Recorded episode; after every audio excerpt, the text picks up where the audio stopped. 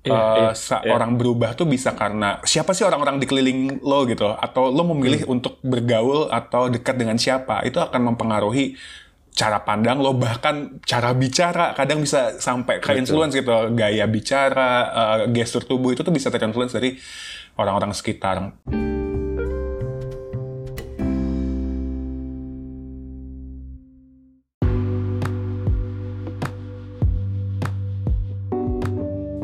Kembali lagi dengan Bersegi Pandang, tempat kita berbicara tentang panjang lebar kehidupan. Jadi apa kabar semuanya? Ini udah eh, break ya, kayaknya dua, dua minggu. Maklum ada berbagai kesibukan dan prioritas lain. Dan ya begitulah alasan yang biasa dipakai kalau sebenarnya ada alasan lain yaitu rada-rada males juga. kadang kan lumayan intens ya sebenarnya ternyata podcast ini eh, setiap minggu ambil suara itu tuh hmm setelah minggu kesekian ternyata waduh kayaknya pengen libur dulu dan kebetulan partner gua Yusuf itu dua minggu yang lalu atau seminggu yang lalu ya itu sempat ada eh, kendala teknis dengan giginya Iya, seminggu Jadi- yang lalu.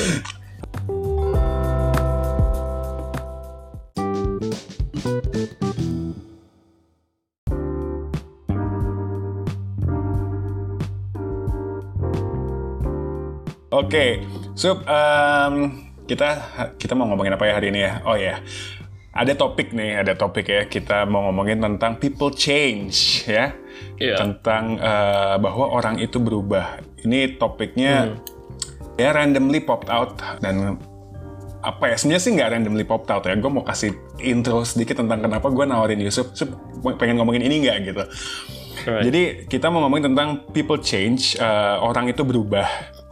And so do we, dan kita pun juga berubah gitu. Em, jadi beberapa waktu yang lalu gue itu sempet scrolling scrolling Instagram gitu lah, scrolling Instagram terus gue eh, ngelihat ada ada teman gue di kolom komentarnya tuh ada teman gue yang lain gitu, teman gue teman lama gitu lah. Teman lama yang gue nggak nggak saling follow karena udah sangat lost kontak lah zaman SMA gitu lah. Nah tapi gue ngeliat, eh dia eh, ngomen di Instagram temen gue gitu. Gue buka gitu, oh ternyata dia ada Instagram juga ya. Selama ini gue nggak follow followan. Terus tuh gue kayak ngerasa, wah dia ini dulunya adalah sa- satu satu apa ya impresi dalam ini layar rekaman memori gue anaknya itu gini gini gini gini gitu. Begitu gue ngeliat Instagramnya sekarang tuh berubah gitu jadi mi- misal ya misalnya sebenarnya kayak dulu tuh kayaknya anaknya yang pendiam habis itu Ya. sedikit. Eh, anak kutu buku gitu loh yang yang gue kenal karena satu ekstrakurikuler gitu. Cuma tuh nggak terlalu nggak terlalu deket-deket banget gitu loh. Cuma gue kayak punya impresi tersendiri ini anaknya baik tapi eh, dia tuh yang pendiam dan sebagainya. Nah begitu di Instagram gue ngeliat kayak anaknya tuh sangat bergaul habis itu yang eh, apa ya istilahnya gaul tuh gimana ya? Gak sekedar gaul tuh jalan-jalan, tapi kayak dia ngelihat nge- menunjukkan di feednya tuh banyak temennya, bisa eh, Right. kayak kekinian banget gitu lah gitu. Yang Eh, hang if- out ah, gitu ah, kan hang out, terus temen-temennya Iya, tuh. iya, lo ngerti kan maksudnya gaul tuh yang eh, ya beda karena dulunya tuh yang kayak anak ngerti gak sih anak pendiam yang biasanya bukan gak punya temen ya tapi biasanya tuh kayak punya temen tapi pendiam yang yang misalnya di Hmm. di sekolah tuh kan suka ada orang-orang populer atau orang-orang yang. Betul. ngerti kan maksudnya nah, Ngerti ngerti. tapi gue kenal anaknya baik anaknya baik apa ya nggak nggak bermasalah lah istilahnya nah ternyata jadi berapa tahun ya mungkin ya dari gue SMA 2004 sampai 2007 sekarang 2020 belasan tahun lah ya itu Iya, iya, eh, eh, kayak I'm impressed tuh ngelihatnya yang oh wow dia bisa begini. Maksudnya kita netral aja ya. Maksudnya bukan berarti Iya. dulu negatif sekarang positif atau sebaliknya. Cuma tuh gue melihat wah orang tuh bisa berubah ya. Maksudnya yang kita nggak sangka-sangka gitu. Dengan segala judgingnya kita gitu. Kita bisa. Dan habis itu bi- bikin gue mikir gitu gue tuh dulu termasuk yang kayak gimana ya? Apakah gue juga terbilang berubah atau enggak? Kayak gitu. Itu yang membuat gue kayak pengen ngomongin ini gitu sama lo. Jadi ada beberapa Right. pertanyaan. Nah lo sendiri pernah nggak sih punya pengalaman orang di sekitar lo? Orang terdekat kah? Atau yang tadi gue juga nggak deket sebenarnya sama kenalan atau teman gue tadi. Cuma gue bisa melihat ada perubahan. Nah lo sendiri tuh ada nggak sesuatu yang lo lihat di orang sekitar lo atau orang terdekat lo dan lo nggak pernah sangka bahwa orang itu bisa begitu gitu? Uh, gue mungkin nggak bakal ngambil uh, contoh yang dari lo gitu temen sekolah dulu misalkan kan dan sekarang pas um, like change itu kan perlu ada variabelnya itu adalah waktu kan. Hmm. Ya kan? Ya, mau waktunya itu antara sebulan atau enggak 10 tahun, tetap kan itu yang yang yang kita bisa ukur si perubahannya. Kalau gua eh, temen gua mungkin yang dari sekolah juga mungkin bisa keukur karena lebih lebih lebih lama. Um, gue ada Mhm. satu temen juga sama kayak lu gitu. Jadi dia tuh kayak pemain figuran gitu. Jadi nggak Oh, iya. nggak nggak nyadar kalau misalkan mereka eh, ada dia itu di di perkumpulan kita itu kan. Cuman kita tahu oh iya ada dia Hmm. gitu kan. Ya ngobrol cuman ngobrol eh, secukupnya aja gitu. Nggak nggak langsung mendalam atau nggak yang dia jadi center of attention. Em, sama kasusnya. Dia itu kayak pun kalau misalkan eh, apa ya kayak nakal juga nggak terlalu nakal gitu biasa aja. And then what Hmm. happen is that pas gua sama kalau kalau lu kan waktu itu lewat Instagram kan kalau gua waktu itu lewat Facebook gua ngeliat dia lagi. Dan ternyata dia sekarang udah kayak kerja di BUMN gitu kan terus udah punya pangkat Hmm. gitu. Eh itu jauh banget sama ekspektasi gua karena dia itu emang biasanya pendiam biasa aja dan pun akademisinya juga nggak terlalu em, high-high amat gitu kan. Tapi bisa survive terus bisa kayak di jalur yang bagus. Dan sekarang bisa kerja yang punya jabatan keren gitu. What? Kata gua. Ya. ini anak keren juga. Kayaknya kalau misalkan kita ada reuni gitu nanti dia yang bakal jadi kayak pembicara atau gitu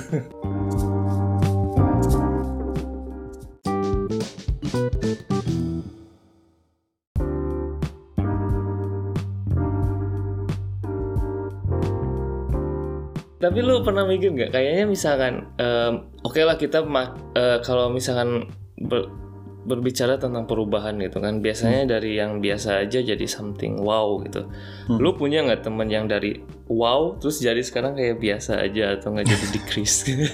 Gue ada ada. Maksudnya yang kayak gitu lebih ke gini. Eh, sorry ya maksudnya sedikit apa ya istilahnya? Ada misalnya kayak gue tuh ngelihat temen atau senior cakep banget tuh waktu zaman sekolah gitu. kayak jadi populer gitu. Tapi begitu sekarang dia kayak kok jadi biasa aja ya? Maksudnya eh, in in terms of look ya ini rada-rada fisik. Sorry sorry sorry guys. Cuma maksudnya ada yang kayak gitu. Tapi kalau dari personality em, yang tadinya ba, apa ya impresinya bagus terus jadi kurang itu gue nggak terlalu banyak pengalaman sih. Nggak terlalu Iya. oh ada ada ada sebenarnya. Gue dulu pernah dekat sama orang eh, maksudnya eh, pertemanan kayak sohib lah. Sohib nggak jeda berapa tahun gitu kok maksudnya dalam hitungan eh, maksudnya dalam satu rentang perkuliahan gitu lah ya apa ya mungkin sebenarnya kalau ini bukan masalah dia berubah atau enggak ya cuma mungkin guanya nggak tahu. Ternyata dia orangnya kayak gitu ngerti nggak sih?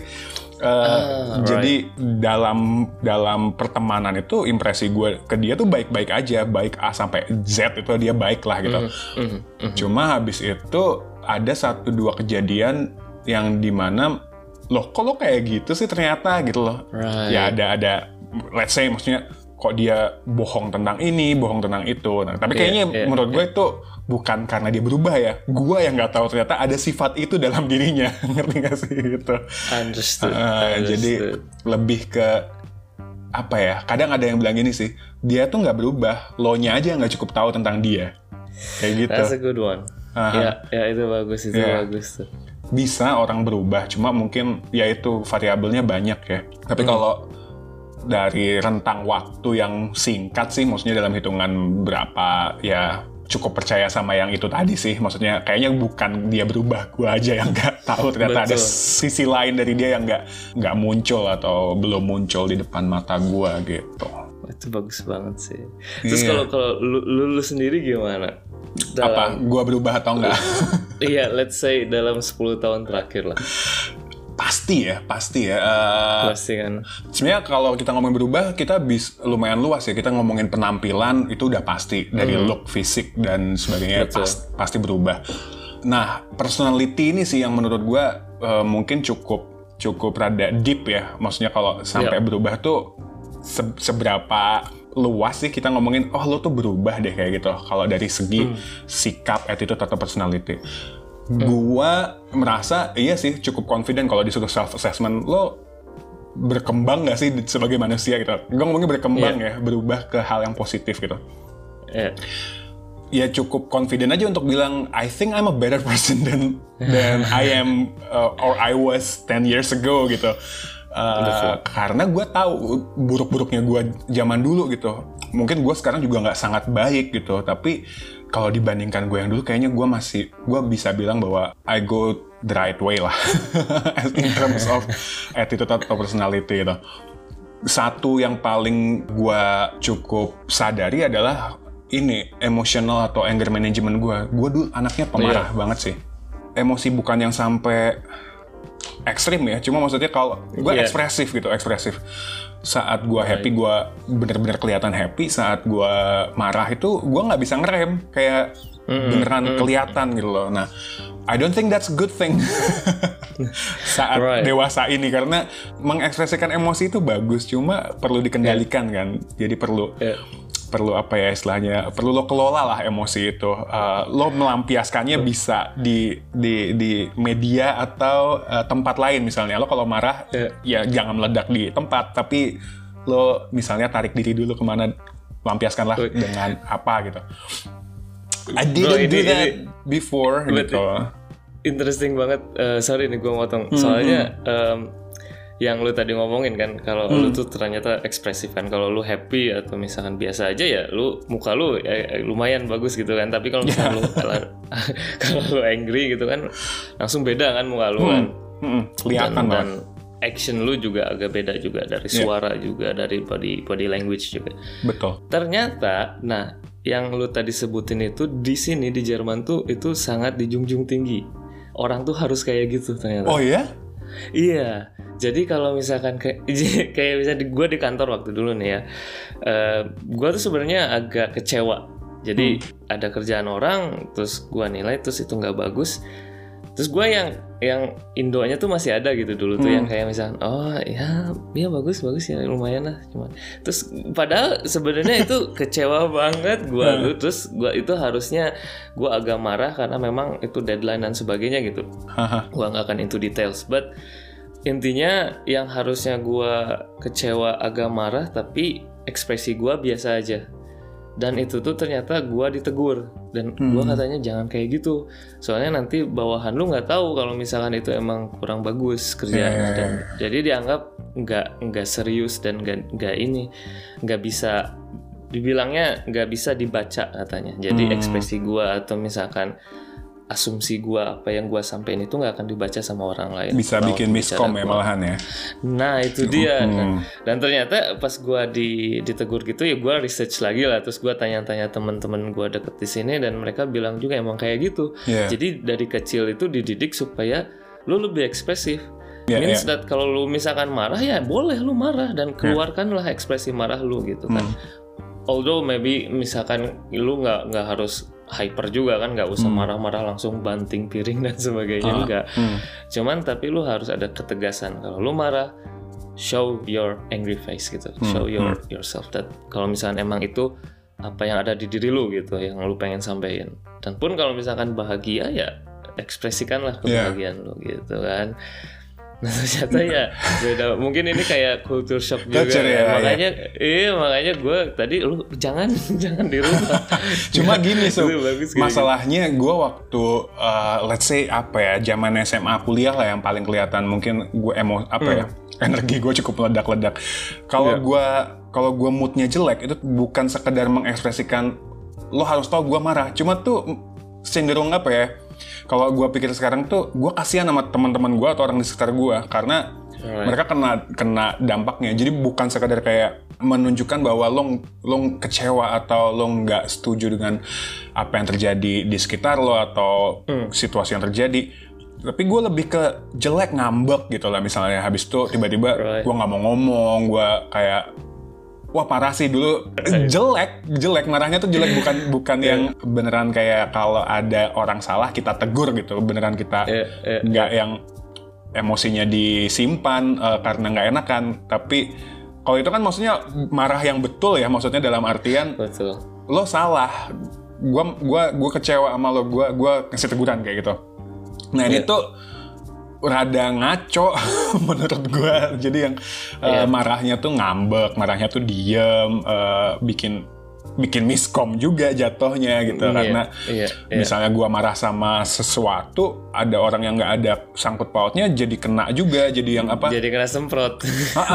Apa atau jadi gua diemin juga. Jadi jelek lah pokoknya eh, anger management gua itu nggak nggak bagus menurut gua. Dan I think I lost many times because of it gitu loh Eh, dalam artian Hmm. mungkin ada orang yang sakit hati sama gua mungkin ada orang yang eh, apa ya kecewa juga gitu karena karena Hmm. perilaku gue yang kayak gitu nah untungnya gua sadar gue Iya. saat, saat ada titik tertentu di mana gue sadar bahwa lo nggak bisa kayak gini lo lo you Right. you have to change gitu you must do something gitu Hmm. dan itu gue syukuri maksudnya untung aja gue melewati momen tersebut untung aja gue sadar bahwa you're not cool with with that Iya. attitude gitu ya dan itu juga mungkin dipengaruhi oleh eh, apa ya dengan siapa gue bergaul dengan orang-orang yang apa ya menurut gue memberi influence gue dengan lebih baik gitu. Gue jadi belajar oh ya ya gue kayaknya pengen jadi lebih kayak dia gitu dalam menyikapi sesuatu dalam pengendalian emosi. Jadi gue melihat look up to someone look up to people around me uh, that I consider a good example for me gitu. Yang Yep. Oh iya ya, eh, saat kita sama-sama dihadapi situasi yang serupa, ternyata dia bisa melak eh, menghandle-nya dengan seperti ini gitu. Iya. Gue nggak harus melakukan eh, hal yang sebelum-sebelumnya gue lakukan gitu. Akhirnya gue belajar. Nah itu juga jadi yang menurut gue pembelajaran ada variabel eh, apa ya, influence orang di sekitar gitu. Eh, iya, sa- iya. orang berubah tuh bisa karena siapa sih orang-orang di keliling lo gitu? Atau lo memilih Hmm. untuk bergaul atau dekat dengan siapa? Itu akan mempengaruhi cara pandang lo bahkan cara bicara. Kadang bisa sampai ke influence gitu gaya bicara eh, gestur tubuh itu tuh bisa terinfluence dari orang-orang sekitar. Paling pertama kan pasti keluarga lo kayak gimana teman-teman deket lo kayak gimana. Itu itu momen gue sih eh, dan itu perjalanan juga sampai gue merasa gue nemu orang-orang yang influence-nya baik buat gue sehingga gue sangat berterima kasih gue gue bisa bilang apa ya mungkin bini gue juga bahkan lebih tahu gue dulu emosional banget gitu tapi sekarang Ya, ya. sangat-sangat sangat jarang gue meledak gitu ibaratnya. I'm a little bit proud of it actually karena Iya. kalau di compare dengan itu mungkin teman-teman gue yang pernah kenal gue dulu gue mau minta maaf di sini. Kalau pernah sakit hati sama cara gue melampiaskan emosi atau itulah uh, manajemen emosi gue yang kurang baik. Tapi I, I I do I do really really regret it. Dan gue gue yakin gue gue nggak gitu lagi kok ya, ya, ya, ya. semoga ya gitu itu itu versi gue salah satu contoh perubahan gue how about you Gua, um, I would say, gua tuh sebaliknya dari lu kayaknya. Hmm. Gua tuh, gua mungkin emotional, yes, sometimes gitu. Gua ngeliatin gitu. Kalau misalnya perasaan gua kayak gimana. Hmm. Cuman gua orangnya paling gak bisa marah.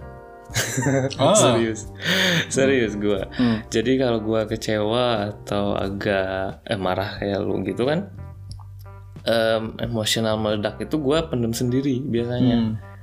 atau enggak gue malah jadi kayak gini kalau misalnya gue marah gue malah mikirnya ntar itu orang yang gue marahin bakal sakit hati nggak gitu Hmm. nah jadi ada ada lebih ke self awareness dulu baru dari situ gue decide gue bisa marah atau enggak gitu tapi kebanyakan gue enggak gitu Nah, gue belakangan gua- malahan. Iya. belakangan mikirnya begitu udah marah baru mikir Nah, itu tadi tadi gue salah nggak ya? Oke.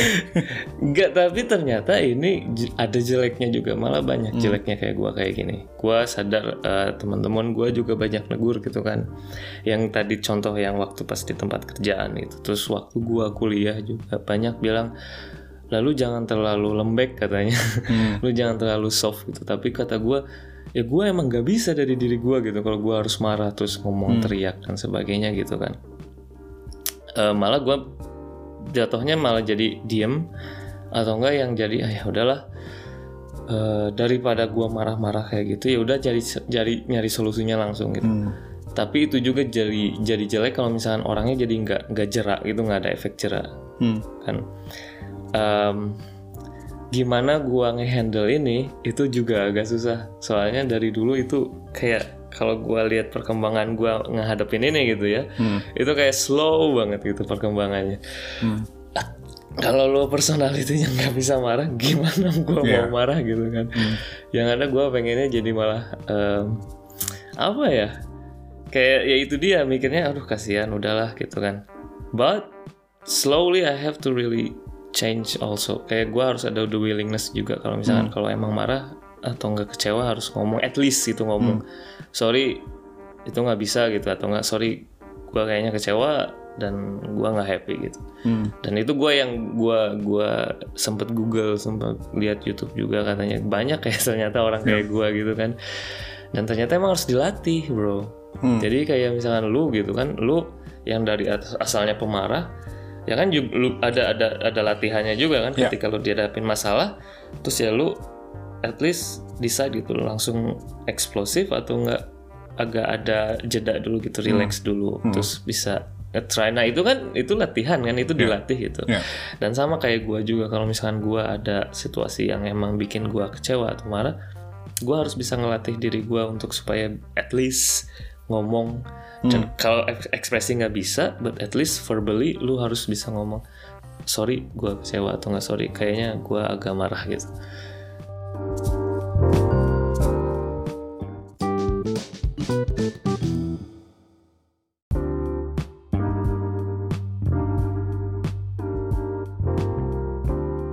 nah gitu. Jadi ada ada apa ya moment of realization tertentu ya, maksudnya dalam dalam perjalanan tersebut ada kondisi atau peristiwa-peristiwa yang membuat lo, gue nggak bisa kayak gini lagi gitu, gue harus berubah gitu. Eh, Berarti ada ya Yes. kayak gitu-gitunya.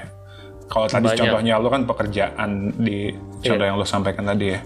itu serius itu jadi ya itu em, lingkungan lu budaya lu dan yang ketiga kalau menurut gua itu ya situasi yang lu sedang hadapin yang membutuhkan lu untuk langsung change gitu kayak tadi gua yang harus gua harus berubah yang tadinya gua jadi nggak pemarah tapi harus bisa agak marah juga gitu Ya. nah dari situ yang bisa bikin gua langsung decide atau at least ada willingness to change juga itu Ya. penting bro kalau dari sesuatu yang positif, eh sorry, tadi kan mungkin sifat-sifat yang bisa merugikan, kemudian kita dalam tanda kutip perbaiki lah ya untuk Hmm. bisa jadi lebih baik. Itu sih positive change berarti ya, Eh, ada ada hal baik yang kita kejar. Dan mungkin itu juga yang membuat orang kadang suka dibilang kalau ulang tahun semoga lebih dewasa kayak gitu. itu kan artinya diharapkan berubah karena emang ada apa ya sifat-sifat tertentu saat kita remaja atau anak-anak itu yang nggak nggak bisa ditoleransi juga kalau masih terus terus terusan dibawa sampai dewasa kayak gitu. Ya. Apalagi ya faktor gue juga kepikiran sebenarnya yang membuat kita berubah kadang prioritas prioritas dalam kehidupan. Oh, that's a good one. Ya, jadi eh, orang berubah macam-macam eh, ininya, maksudnya persepsi yang bisa muncul prioritas dalam segi apa ya siapa yang jadi prioritasnya atau apa yang jadi prioritasnya itu akan mempengaruhi sikap-sikap yang diambil dalam hidupnya gitu. Menurut gue itu salah satunya. Iya. Make sense sekali. Yes, yes, yes. Tapi kan ya gua kalau gua ambil dari cerita lu berarti kita tuh sebagai individu harus tahu dong prioritas kita kan. Hmm. That means that kalau misalkan lu mau change itu harus mengenal prioritas-prioritas kita dan itu memang susah loh. Nggak nggak nggak banyak orang tahu, nggak banyak orang bisa Hmm. Iya. dan kadang mereka kayak misalkan kalau emang prioritas lu kan ada orang yang ngambang nih ketika umur 20-an Iya. atau misalkan mau ke 30 gitu kan dia nggak tahu mau ngapain Hmm. kerja ya kerja gitu kan tapi mau berkeluarga juga agak susah lagi lagi lagi nyari pasangan dan sebagainya. And that's the thing. Kalau misalkan lu nggak tahu prioritas lu but at least um, lu harus mengenal diri lu sendiri dulu. Dan Ya. baru dari situ lu bisa memprioritaskan apa yang sebetulnya lu pengen sebetulnya lu butuhin. Dan ketika lu tahu prioritas lu baru kan lu tadi bilang itu then you will feel the change by itself as well. Hmm. Ya intinya lo harus mengenali diri lo sih. Balik lagi ke kita grow up seiring dewasa, Iya. kita kan tahu apa sih sifat-sifat kita atau pilihan-pilihan hidup kita yang sebelum-sebelumnya ternyata kurang baik, cara kita menyikapi Hmm. sesuatu ternyata kurang baik. Udah bagus banget kalau lo sadar gitu, sadar dulu. Betul. eh, eh, oh iya, eh, ini kurang baik. Oh iya, gue harus eh, berubah gitu. Hmm. It's it's it's way better daripada me- me- membiarkan itu terus gitu loh. Jadi yang eh, menurut gue emang orang itu harus berubah, bukan sampai kayak wah dia berubah. If if it's for the better, then that's it's supposed to be menurut gue. ternyata ada caranya bro itu ada caranya ternyata buat supaya kita tahu kalau kita harus berubah atau enggak Hmm. ternyata caranya kayak gini lu harus ngelihat diri lu 10 tahun yang akan datang. Jadi em, kalau bahasa Inggrisnya you have to envision yourself in in in 10 years. So in, in the next 10 years. Jadi kalau lu 10 lu memposisikan diri lu di 10 tahun yang akan datang lu ngelihat lu di mana tuh 10 tahun yang akan datang? Atau at least 5 tahun yang akan datang gitu kan? Nah, ketika lu bisa ngelihat diri lu di lima tahun yang akan datang, nah itu baru lu bisa kepikir, oh iya, kalau lima tahun yang akan datang gua kayak gini-gini terus berarti dan nanti ada ada kesadaran sendiri Iya. kan. Oh, berarti gua memang doing something wrong ya the whole time gitu kan. Oh, mungkin gua selalu terlalu banyak nongkrong gitu atau enggak gua terlalu banyak wasting time yang nggak perlu gitu. Dan ternyata ya gitu. Caranya itu ya cuman ngelihat lu diri lu di masa depan bagaimana itu nanti akan terjadi atau enggak how it turns out gitu kan Hmm. Hmm. dan kalau misalkan emang how it turns out itu negatif ya rubahlah Ya, please. ya, ya. nah itu dia sih Ya bener, jadi mirip sama yang kita omongin sebelumnya, lo harus tahu lo mau ke mana, lo harus tahu, Iya. uh, at least punya estimasi lah, punya bayangan kira-kira gue lima tahun, 10 tahun lagi tuh mau di situasi yang kayak apa sih gitu, terus Ya. jadi tahu juga, maksudnya untuk untuk ref- apa ya refleksi diri sendiri bahwa uh, kalau gue mau ke sana, ada nggak sih hal-hal yang harus dirubah dari gue sekarang kayak gitu? betul betul Nggak, nggak, nggak cuma sekedar dari segi materi atau nabung dan sebagainya, tapi dari enggak attitude, sikap dan sebagainya. Kadang ada yang orang tuh terhambat karena ternyata attitude-nya gitu. setuju sekali Cara dia menyikapi hidup, cara dia menyikapi masalah itu ternyata menghambat dia selama ini gitu. Kayak gue personally rasakan sih sebenarnya yang tadi itu. Oke. setuju banget itu mantap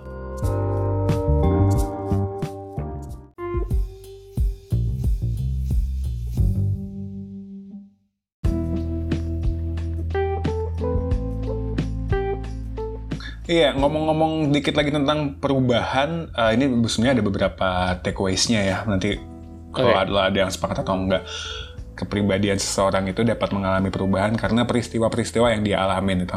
Tadi contoh yang kita kasih, orang 10 tahun udah ngelewatin apa aja, kita nggak tahu kan. Teman gue yang tadi di Instagram, gue nggak tahu dia 10 tahun ini tuh apa yang dia tempuh dalam hidupnya gitu. dia bergaul dengan siapa, dia mengalami apa aja dalam kehidupannya yang sampai mengubah dia jadi orang yang tadinya pendiam jadi orang yang sangat bergaul, orang yang sangat eh, kayaknya super supel gitu. Gua nggak tahu apa yang terjadi gitu. Jadi banyak peristiwa kehidupan ini yang bisa mempengaruhi atau perkembangan pada kehidupan seseorang ya kan? Definitely. Gitu. Dan mungkin peristiwanya ada yang cukup intens ada yang cukup apa ya jadi milestone dalam hidupnya. Ya? Would you agree with that Definitely, yes. Um, mau itu setahun, dua tahun, ataupun 10 tahun. 10 tahun orang lain dengan 10 tahun kita pasti beda. kan? Itu banyak banget variabelnya. Dan um, gua sangat salut sama orang yang bisa kayak dalam jangka waktu 5 atau 10 tahun tapi bisa achieve banyak gitu ya. Tapi jangan juga ha- ambil hati kecil gitu sama yang seseorang yang dalam lima tahun atau 10 tahun tapi nggak achieve banyak. Oh, you know, karena setiap orang kan beda kan, hidup beda gitu. Tapi make sure salah satunya adalah walaupun lu achieve banyak atau kecil, tapi kalau lu dalam right track gitu dan dan dan menuju kebaikan, gua sih udah salut banget. Itu. Iya, iya. Yes. Ya bener. Ya jadi apa buat teman-teman semua maksudnya ya berubah itu belum tentu sesuatu yang salah gitu. Maksudnya kalau lo ngeliat ngelihat orang lain berubah gitu lo mungkin bisa bertanya diri ke diri lo sendiri juga. Maksudnya lo berubah juga nggak gitu? Maksudnya uh, ada alasan-alasan orang berubah dalam hidupnya. Mungkin ada apa ya istilahnya saat seseorang di sekitar lo berubah ternyata ada dampaknya ke lo either hmm. itu positif atau negatif gitu. Gue harap sih uh, lo tetap bisa mengerti itu maksudnya people change they do. Betul. dan kita pun begitu. Apa ya banyak perubahan uh, pemicunya orang yang setelah menikah terasa berubah hubungannya gitu. Hmm. Uh, misalnya kita punya teman habis nikah kok ada yang beda ya, well accept it. That, that's that's very natural gitu. Exactly. Uh, tuntutan lingkungan yang membuat kita harus beradaptasi. Kadang ada orang yang berubah yeah. karena apa ya? Ya tadi lingkungannya, pekerjaannya. Hmm. Yang selalu gue percaya adalah dan ini sering banget. Eh, maksudnya gue suka kalimat ini kalau ada yang misalnya ulang tahun habis itu ada yang ngucapin itu, gue suka saat kita didoakan untuk menjadi apa bahasa Inggrisnya the better version of of us gitu. Jadi yang hmm. semoga kita menjadi orang yang lebih baik versinya hmm. kita sendiri gitu. Karena kan setiap orang pasti beda-beda. Hmm, jadi betul. ya pasti kita berubah. Kita harus terus menuntut diri kita untuk berubah, tapi ya for for the better gitu. Jadi yang uh, untuk terus berorientasi bahwa I, I can I can do better, I can be better uh, as a person gitu. Yes. Ya. Begitu That's a good takeaway. ya, ya, ya, ya, ya. Oke, segitu dulu obrolan kita untuk episode kali ini uh, tentang perubahan. Tadi udah banyak banget yang kita omongin. Mungkin ada hal-hal lain yang kita nggak tang kita nggak apa ya include dalam pembicaraan ini. Cuma hmm. pada intinya it's a very natural thing to happen. Jadi yang penting kita orientasinya untuk hal yang lebih baik aja. Semoga teman-teman yang ngerasa punya apa ya pengalaman-pengalaman yang mirip-mirip seperti apa yang kita obrolin sekarang uh, ya apa ya ada ada hal-hal yang bisa di apa ya diambil ininya uh, hal-hal yang baiknya.